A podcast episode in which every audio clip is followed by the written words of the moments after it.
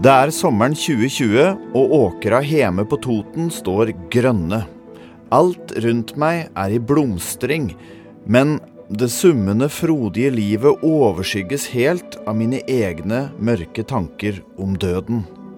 Jeg har en alvorlig sykdom, og beskjeden jeg fikk for to dager siden, var ikke den beskjeden jeg håper å få. Men det jeg ikke veit, er at dette i mørket vil lede meg til en oppdagelse som skal forandre alt. Og det skal jeg fortelle deg om nå. Mitt navn er Torbjørn Dyrud, og dette er episode én av Mer enn hjerne.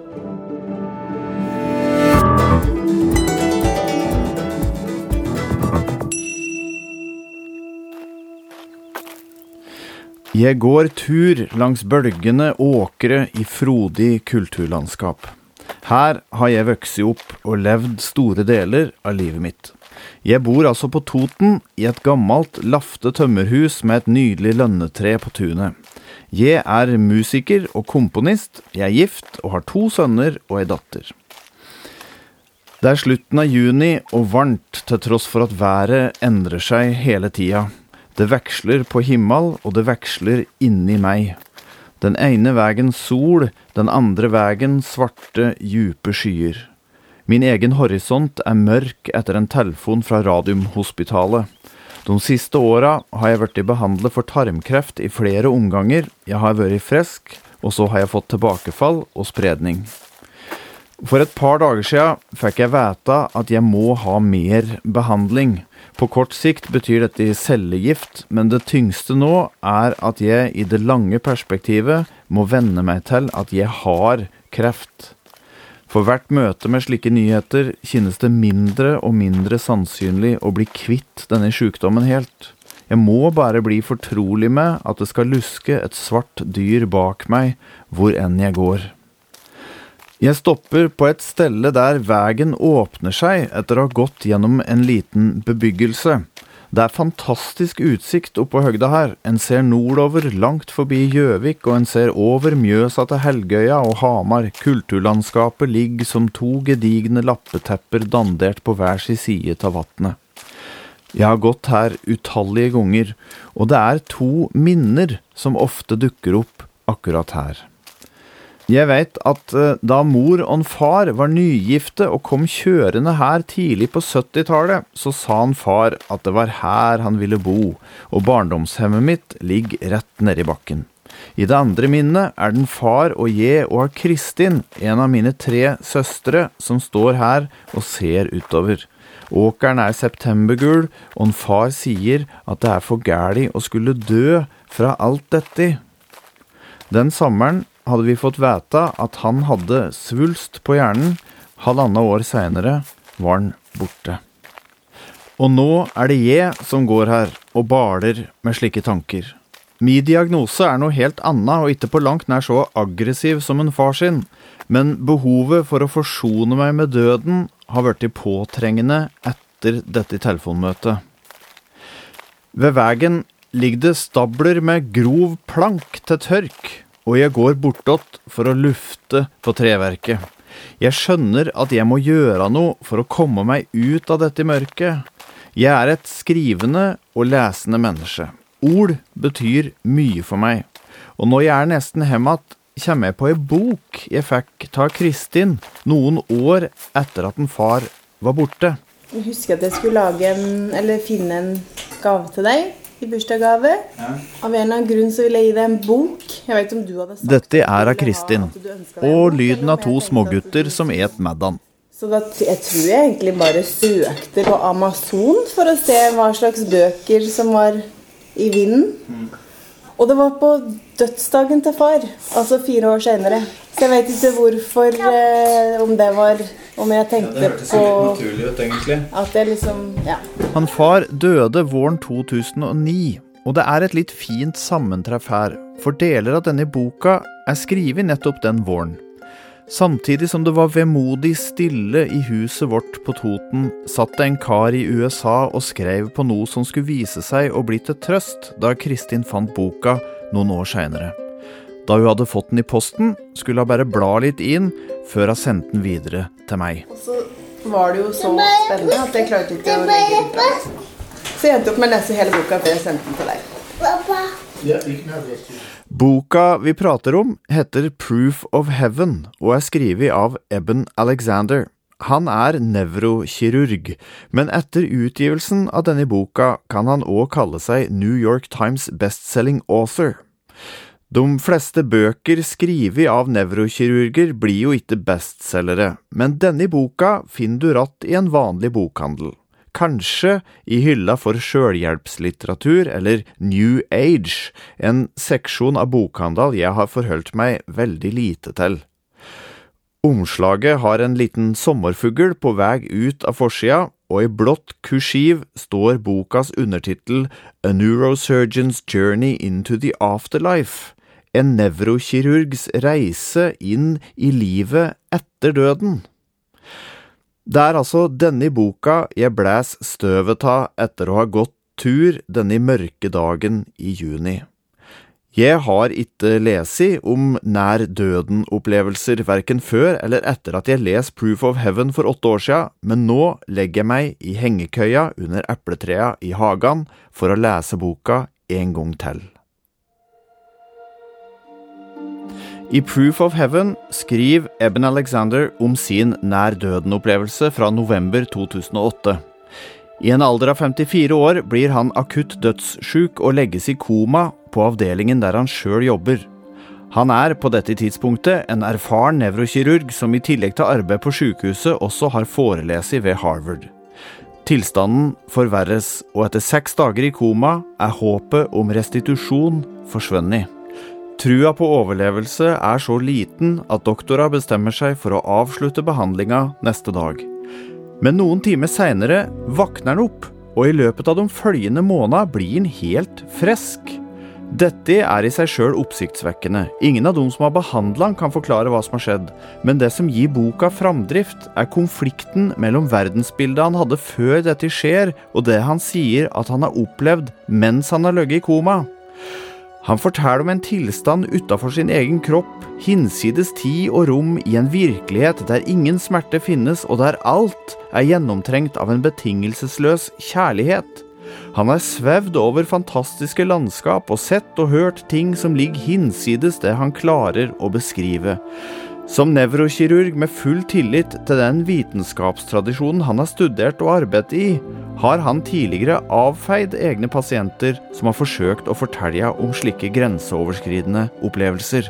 For det han har lært, og det han tror på, er at bevisstheten oppstår i hjernen. Han har vært sikker på at det disse pasientene har opplevd, er beslektet med hallusinasjoner eller veldig livaktige drømmer, men nå er det han sjøl som våkner opp fra koma, med opplevelser han beskriver som virkeligere enn virkeligheten. I ettertid går han gjennom journaler, prøver og skanninger og konkluderer både alene og i samråd med kollegaer at det han mente var helt nødvendige forutsetninger for bevisste opplevelser, ikke har vært til stede mens han har ligget i koma. Hjernen hans har vært fullstendig ødelagt, men han insisterer på opplevelser av en så djup og sann karakter at det livet han har vendt tilbake til, den hverdagen vi kaller virkeligheten, den framstår som bleik og flat. Han beskriver dette livet som en begrense og drømmelignende tilstand, sammenlignet med det han har opplevd på den andre sida av døden. Eben Alexanders konklusjon gjennomsyrer hele boka. Han har tatt feil. En hjerne som den han har hatt underveis i dette, kan ikke være opphavet til hans nær-døden-opplevelse. Han mener at det er noe annet som foregår her.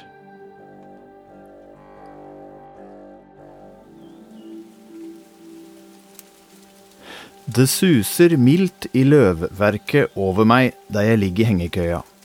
Etter hvert som jeg leser, blir tungsinnet mitt erstattet av en forunderlig blanding av inspirasjon og nysgjerrighet.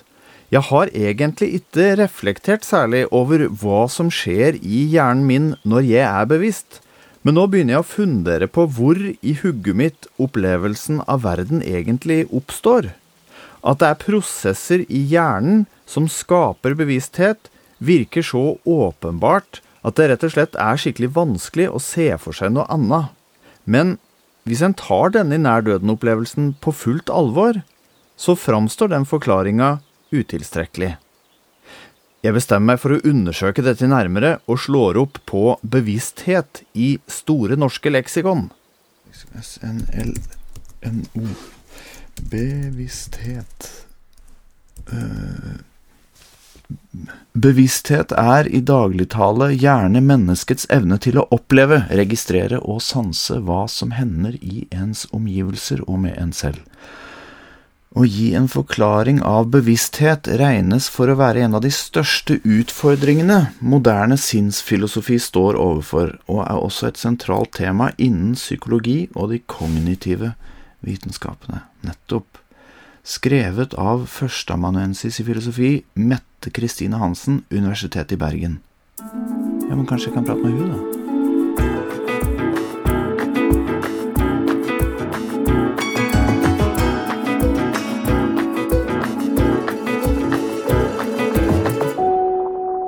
Å, admit.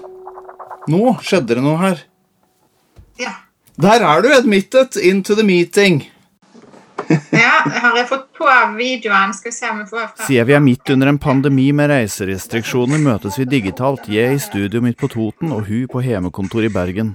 Gitt Bergens rykte som regnfullt, føles det litt eksklusivt at hun må starte samtalen med å justere persienner så det ikke blir så mye lys i bildet. Sånn at det, det lysskjæret gikk vekk, da, rett og slett. Ja, dette har vært kjempefint. Mitt navn er Mette Kristine Hansen. Jeg er ansatt på Universitetet i Bergen og førsteamanuensis i filosofi. Jeg må først spørre hva en filosof gjør når man jobber med sinnsfilosofi og bevissthet. Det som jeg tenker at eh, man gjør, det er jo først og fremst at man fokuserer på spørsmål. Det kan være spørsmål som dreier seg om hva er bevissthet, f.eks. Ja. Språket og tanken er blant filosofens viktigste verktøy. Du stiller et filosofisk spørsmål, og så gjør du det du kan for å svare på dette spørsmålet på en tilfredsstillende måte. Og helt siden antikken har det vært stilt krav til åssen du skal jobbe. Det, det, er jo også det at man må være systematisk, sant? og det er mye argumentasjon. Eh, så man må, og man må gå systematisk til verks. Og idealet er jo å kunne gi definisjoner som er såkalt nødvendige og tilstrekkelige. En definisjon er altså en beskrivelse eller forklaring som konkretiserer hva filosofen skal gi svar på. Som du hørte i stad, definerer Store norske leksikon bevisstheten som menneskets evne til å oppleve, registrere og sanse hva som hender i ens omgivelser og med en selv.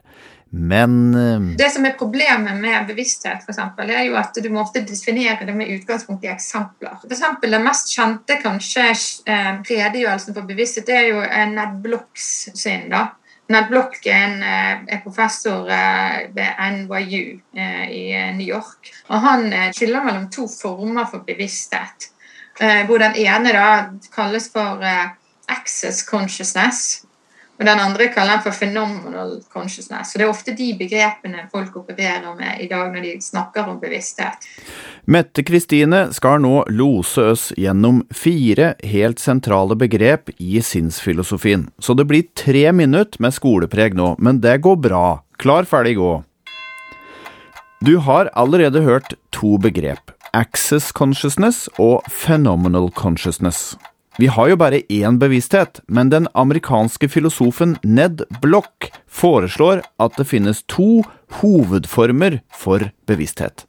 Eh, og da er eh, tanken til Block er jo at, eh, at sånn access consciousness det er den formen for bevissthet en har som gjør at en kan reagere på omgivelsene, at en kan handle med utgangspunkt i omgivelsene, og at man får input fra omgivelsene, og at hjernen bearbeider det, og så resulterer det i en eller annen form for handling osv. Eh, men så er det denne her eh, som han kaller for phenomenal consciousness, da, som da dreier seg om egentlig noe litt annet. At det er noen eh, bevisste opplevelser som det er også noe det oppleves som å ha. Dette syns jeg er vanskelig. Hun sier det er noen bevisste opplevelser det er noe det oppleves som å ha. Setningen har ei slags ekstra sløyfe der som legger et lag på toppen av det som allerede er sagt, men jeg forstår det som om Ned Blocks begrep phenomenal consciousness, opplevd bevissthet på norsk, brukes om opplevelsen av å oppleve, altså et lag på toppen, Du et ikke bare sjokolade, du opplever også hvordan det er å ete sjokolade. Så, og det er da eh, det mange vil på en måte si gjerne er litt vanskeligere å gjøre rede for når man skal gjøre rede for bevissthet. F.eks. hvis man skal ha som mål å gi en vitenskapelig forklaring av bevissthet. De to siste begrepene er knyttet til utfordringen med å forklare de to første.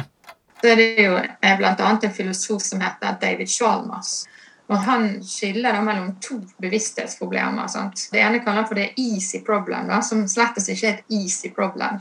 Men det går egentlig ut på å forklare eh, hvordan denne her, eh, access consciousness virker. da. Altså hvordan vi hjernen vår f.eks. prosesserer informasjon så ifølge den australske filosofen David Chalmers skal det altså være mulig for vitenskapen å finne ut hva som foregår i hjernen, f.eks. når du har en samtale med noen, eller når du hører på meg. Det mener han da er kaller for the easy problem. Ikke fordi det er easy, men fordi han mener at det er noe vitenskapen kan teoretisk sett løse. Så sier han da at det, det hard problem, eller det vanskelige problemet, det er det å forklare hvorfor og hvordan eh, bevisste opplevelser oppstår. Sant? Hvorfor er det noe det oppleves som for meg å smake en sjokolade eller se en rød rose og lukte på en rød rose? Hvorfor er det en sånn opplevelse i tillegg? Hvorfor er det ikke bare sånn at det automatisk responderer på omgivelsene? Hvorfor det til, kommer det en sånn opplevelse i tillegg? Det har vist seg ganske utfordrende å gi en tilfredsstillende såkalt fiskalistisk forklaring av det. da. Hvis du fortsatt henger med, så har du lært fire nye begrep du kan bruke neste gang du småprater i dokø. Access consciousness, the easy problem, phenomenal consciousness, the hard problem.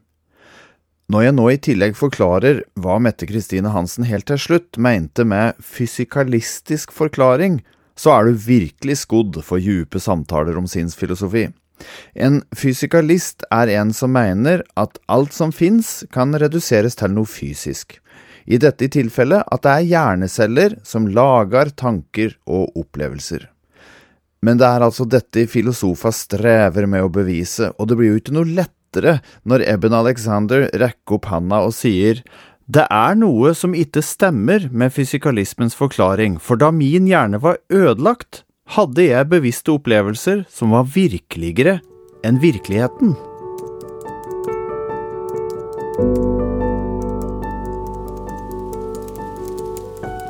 Så da er vi tilbake i hengekøya under epletrea i hagen. Det summer og kvitrer rundt meg, og jeg blir liggende og fundere mens boka hviler på magen min. Denne nær døden-opplevelsen fascinerer meg djupt, og jeg bestemmer meg for å leite etter flere spor som kan fortelle meg noe om bevissthetens opphav. Det fyller dagene mine med mening. Jeg leser, jeg skriver, jeg ser, jeg hører. The hard problem of consciousness. hard problem. Conversation with David Chalmers. Materialisme er en, en dominerende kind of unspeakable in a way what music is. That equation, for consciousness, Vision Perceptual Studies at the University of Virginia Medical School. that Myers and James really had it right. After that meditation, Irreducible mind, cataloged an irreducible mind. scientific view, it's really like mind doesn't matter because it's not matter, or it matters only if it is matter. You got that one, yeah? Den siste stemma du hørte her, tilhører buddhisten Alan Wallace, og lyden er hentet fra en samtale med fysikkprofessor Sean Carroll som ligger på YouTube. De er født på henholdsvis 50- og 60-tallet og kommer fra samme verdensdel og samme kultur. Begge er hvite menn, amerikanske akademikere og intellektuelle, men representerer to veldig forskjellige syn på åssen bevissthet oppstår. Carol er fysikalist. That doesn't seem to me to mean that we need to invoke new stuff outside the laws of physics. Han mener det ikke er behov for å påkalle noe nytt, invoke new stuff, utafor fysikkens lover for å forstå bevissthet, mens Wallace svarer New stuff. Consciousness is not new stuff. Whatever it is, is not new. It's not new age. It's not new. It's it's been here long before scientists started thinking about it. Og slik bølger samtalen fram og tilbake. Om en går 100 år bakover i tid, var det steile fronter mellom vitenskap og spiritualitet, men nå som 2000-tallet er godt i gang, kan en buddhist og en fysiker fint ha en samtale om bevissthet. Hvis man ser historisk, så har det vært en veldig åpning opp for i det hele tatt det subjektive. Tidlig på 1900-tallet så var det jo veldig harde tider hvor nesten bare også ordet bevissthet var et slags uh, uaktuelt begrep å trekke inn i vitenskapelige sammenhenger i det hele tatt. Dette er en Lasse Pilstrøm, nevrolog ved Rikshospitalet, og han bekrefter at den fysikalistiske forklaringa er den som dominerer vitenskapen. Den vanlige vitenskapelige oppfatningen er jo at eh, den subjektive opplevelsen vi har av å leve i verden og sanse og føle og tenke, at den på en måte eh, har sin eh, fysiske basis i hjernen vår. At det er et eller annet som foregår i hjernen som, som gir opphav til den den subjektive opplevelsen. Men jeg vil jo gjerne vite om det går an å være litt mer spesifikk enn som så. Og det sitter en til rundt bordet. Han heter Pål Rønning og er nevrokirurg. Han åpner skaller og opererer på hjerner flere ganger i uka. Hvor konkret kan man være når man skal liksom peke på en hjerne og si der foregår dette og der foregår dette? Det, det kan vi jo være ganske konkrete for en del funksjoner. Ja. Vi opererer jo en god del svulster. Eh, og vi veit med en sånn høy grad av sikkerhet akkurat hvor eh, motoriske sentre er, hvor eh, sensoriske sentre er. Vi veit hvor eh, synet sitter. Dette er jo det vi nettopp lærte at heter access consciousness, funksjoner knyttet til den praktiske avviklingen av en vanlig dag som menneske. Et denne, gå dit, vent på grønt lys, klø deg i øret, prat med naboen. Her har nevrokirurger og nevrologer ganske god oversikt. Men relativt fort blir det mer utfordrende, også for Pål Rønning. Egentlig vet vi ganske lite om akkurat hvor, eh, hvor språksenteret sitter. Eh, men vi vet at sånn, stort sett så, så, sitter det på venstre side i, i pannelappen. Eh, og hvis vi har noe mistanke om det, da, da, er det sånn at vi gjerne opererer de våkne. Eh, sånn at vi åpner opp, og så eh, blottlegger hjernen. Og så stimulerer vi på hjernens overflate mens pasienten er våken. Eh, og ved å gjøre det, så, så, kan vi da slå ut enkelte funksjoner. Eh, og på den måten så, så, kan vi pinpointe ganske så godt hvor språksenteret sitter. Men, men, det kan ofte da være litt forskjellige steder, og det kan være litt forskjellige steder avhengig av hvilket språk du tester de på også. Men hva da med sinnsfilosofiens vanskelige problem, den opplevde bevisstheten? En ting som man ikke er så god på å si, er jo hvilke deler av hjernen som på en måte bidrar til din subjektive opplevelse på ethvert tidspunkt. Ja, man kan jo selvfølgelig intervjue pasienter, og hvis man er i, i Pauls situasjon og har mulighet til å virkelig eksperimentere og manipulere og applisere strøm og alt mulig sånt, så, så kan man jo på en måte gjøre noen sånne tester. Men i sånn vanlig arbeids... Eh, eller i vanlig hverdagen, da, så, så, vet vi litt om på en, måte, et, en område nede i hjernestammen som må være liksom, aktivt og skrudd på for at man er våken og, og, sånt. Men det er på en måte mer en slags det er mer som å skru på strømmen, men, men hva er det som gir selve innholdet på skjermen? Hvis du prøver deg med en sånn slags TV-analogi. da. Så klart Du må ha pluggen i, men så er det litt sånn hvilke bilder er det som vises, hva er det du er oppmerks har oppmerksomheten på til enhver tid. Eh, det er mye vanskeligere å, å definere presist, og det tror man jo at flytter seg rundt med oppmerksomhet og, og, og hva, hva, hjernen gjør til enhver tid. Man tenker jo at det er, må på en måte være til enhver tid en gruppe av hjerneceller eller en, et aktivitet, et ensemble i hjernen som hvis aktivitet speiles i den subjektive opplevelsen. Og, og den sammenhengen der, liksom, hva, hvordan er det du kan avgjøre om et, eh, et gitt nevron eller en, en, viss aktivitet i en del av hjernen bidrar, og hvordan den bidrar, hvilken del av eh, liksom, ditt subjektive opplevelse den utgjør til enhver tid, der er det mye hvite flekker på kartet. Det er akkurat dette som er David Chalmers hard problem of consciousness. Filosofer og nevrologer møter samme utfordring hvordan blir observerbare fysiske prosesser til abstrakte og flyktige tanker, følelser og opplevelser? Ingen veit.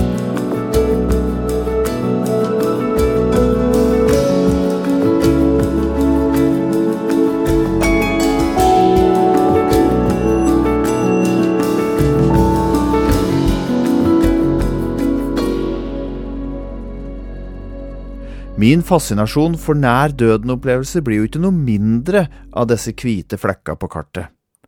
For det er ikke bare Eben Alexander som har opplevd dette fenomenet. Du finner lignende historier på alle kontinent og til alle tider. Du kan lese om det hos Platon, og du kan lese om det i VG.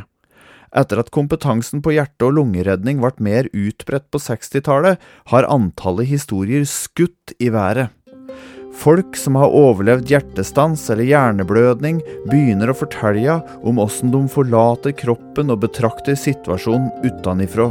At de får en intens opplevelse av ubetinget kjærlighet. At de møter skikkelser omkransa av lys. Det kan være avdøde foreldre, søsken eller besteforeldre som kommer dem i møte ved ei slags grense og forteller dem at de ikke kan krysse.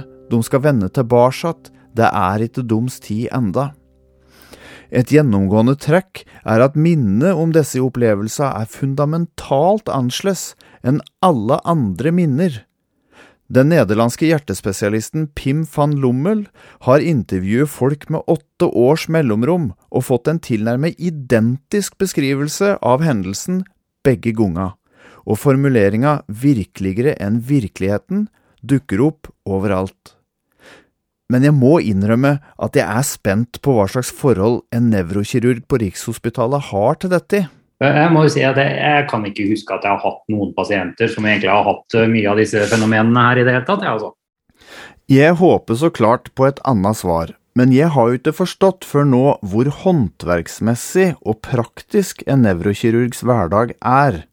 Pål Rønning kan tilbringe en ti timers dag tett innåt pasienten men selvfølgelig ikke for å prate. Som nevrolog Lasse Pilstrøm understreker Det å være kirurg og ha, på en måte utvikle den fingerferdigheten krever så mye trening, og de må bruke så mye tid på å være på, i operasjonssalen og, og, og, på en måte perfeksjonere teknikk og bli kjempegode på eh, alle de beslutningene man skal ta i den operasjonsprosessen. Før dette intervjuet var jeg nysgjerrig på om spenningen mellom vitenskap og spiritualitet ville komme til uttrykk i denne samtalen. Jeg regner med at både Lasse og Pål ville ha en fysikalistisk innfallsvinkel til spørsmålet om bevissthetens opphav. Det stemte for så vidt, men den fine tvisten var at nevrokirurgen foreslo å invitere sjukehuspresten, Øystein Buer. Det jeg prøver på, i det enkle jeg gjør, er å spørre pasienter hva de opplevde. Altså fenomenologisk forskning. Hva opplevde du, hvordan tolker du det, og hva har det gjort med deg? Det gikk noen måneder før vi fikk til å treffes fysisk, og underveis hadde vi et par digitale møter, Pål, Lasse, Øystein og jeg. Her forteller Øystein fra et tverrfaglig prosjekt som han er med på, sammen med bl.a. Angelica Sorteberg, som er professor i nevrokirurgi. De intervjuer pasienter som har hatt hjerneblødninger, altså pasienter som en Pål stadig vekk opererer. Og De har et batteri med spørreskjemaer, og ett av de er det som jeg primært har ansvaret for. Og de besvarer ca. halvparten av de som er inkludert til nå. Over 100 har besvart til nå, det er en høy svarprosent. De finner det interessant, disse pasientene, å bli stilt spørsmål om ting de opplever faktisk som relevante for seg. Og da blant de ca. 50 til nå som jeg har snakka med, så er det en rekke pasienter som har eh, kjennetegn på nær døden-opplevelser. Presten og kirurgen forholder seg til de samme menneskene, men det kan virke som de får tilgang til ganske forskjellige utsnitt av deres tilværelse som pasient. Det er akkurat som om, om det er kulturen vår eller hva det er, så er det det at for pasienter å si dette uten å være i en kontekst der de virkelig opplever at dette ikke er flaut eller rart å snakke om, er helt nødvendig for at de skal dele det. Mm. Og det har de tydeligvis oppfattet i prosjektet vårt, at dette er trygt å meddele seg. Og så kommer fortellingene. Mm. Og ikke til forkleinelse for uh, nevrokirurger og, og Den konteksten får det ikke oss det er litt vanskelig å høre det, men den Lasse sier i latteren her, er den konteksten får de ikke av oss, Pål. Noe jeg opplever som uttrykk for en finstemt blanding av sjølinnsikt og ydmykhet som begge disse legene viser når de hører en Øystein fortelle. Han refererer òg til en eldre kollega Tan Paul. Han har jo holdt på med denne kirurgien oppi hjernen i årevis. Og han sa han hadde aldri hørt om det, han heller. Men så sa han jeg tror jeg, jeg, tror jeg liksom har én pasient som har, eh, som har liksom sånn fortalt litt sånn spontant på poliklinikken i ettertid. Men, Ja. eh, men ikke det at jeg greier liksom Nei. ikke å huske akkurat hvem det var. Jeg kan ikke grave mer i det. Nei, for det er akkurat som disse pasientene opererer innenfor disse paradigmet, at de, de er, eh, de er målretta. De svarer på det de blir spurt om. Og så, og så er dette eh, til dels eh, såpass personlig privat for noen at altså, det skjer også med meg når jeg sitter og snakker med dem i denne konteksten, at de ikke egentlig forteller alt. Altså, det, det går, jeg går glipp av ting, jeg også. Selv om jeg er inne i boksen allerede med dem. Ja, for det er akkurat som om er det interessant, da? Kan jeg dele det, da? Dette er dype ting i bevisstheten deres, i minnet deres, som de må ha trygghet for å fortelle. Det er veldig interessant i seg sjøl. Det sier noe om fenomenets eh, vare karakter.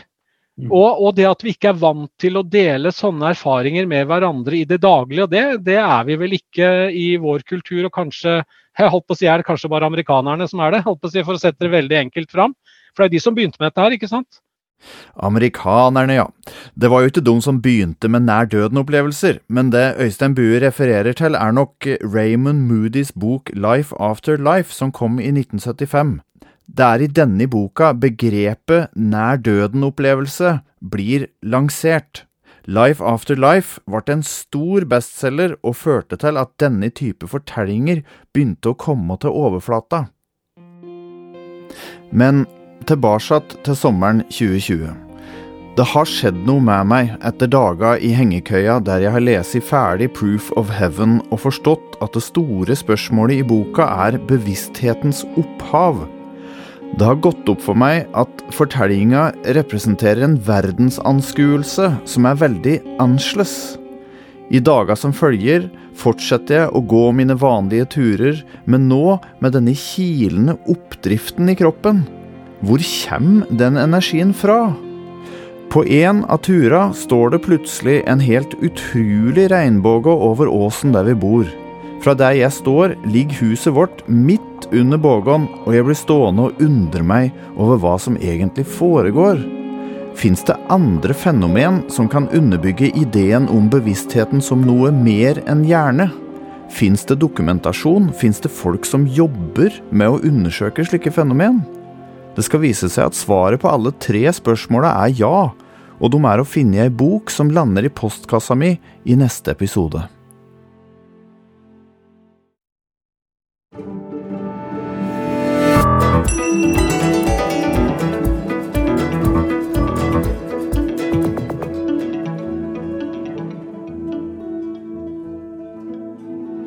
Du har hørt første episode av Mer enn hjerne. Stor takk til dem som ble intervjuet i denne episoden. Mette Kristine Hansen, Lasse Pilstrøm, Pål André Rønning og Øystein Buer. Takk også til Brage Kvasbø og Espen Alknes, som har bidratt med gode innspill underveis. Du hørte utdrag fra samtalen The Nature of Reality fra 9.2.2017 mellom Alan Wallace og Sean Carroll. Hele denne samtalen finner du på YouTube. Mitt navn er Torbjørn Dyrud, og det er jeg som har gjort intervjuer, skrevet tekster, komponert musikk og klipt sammen det hele.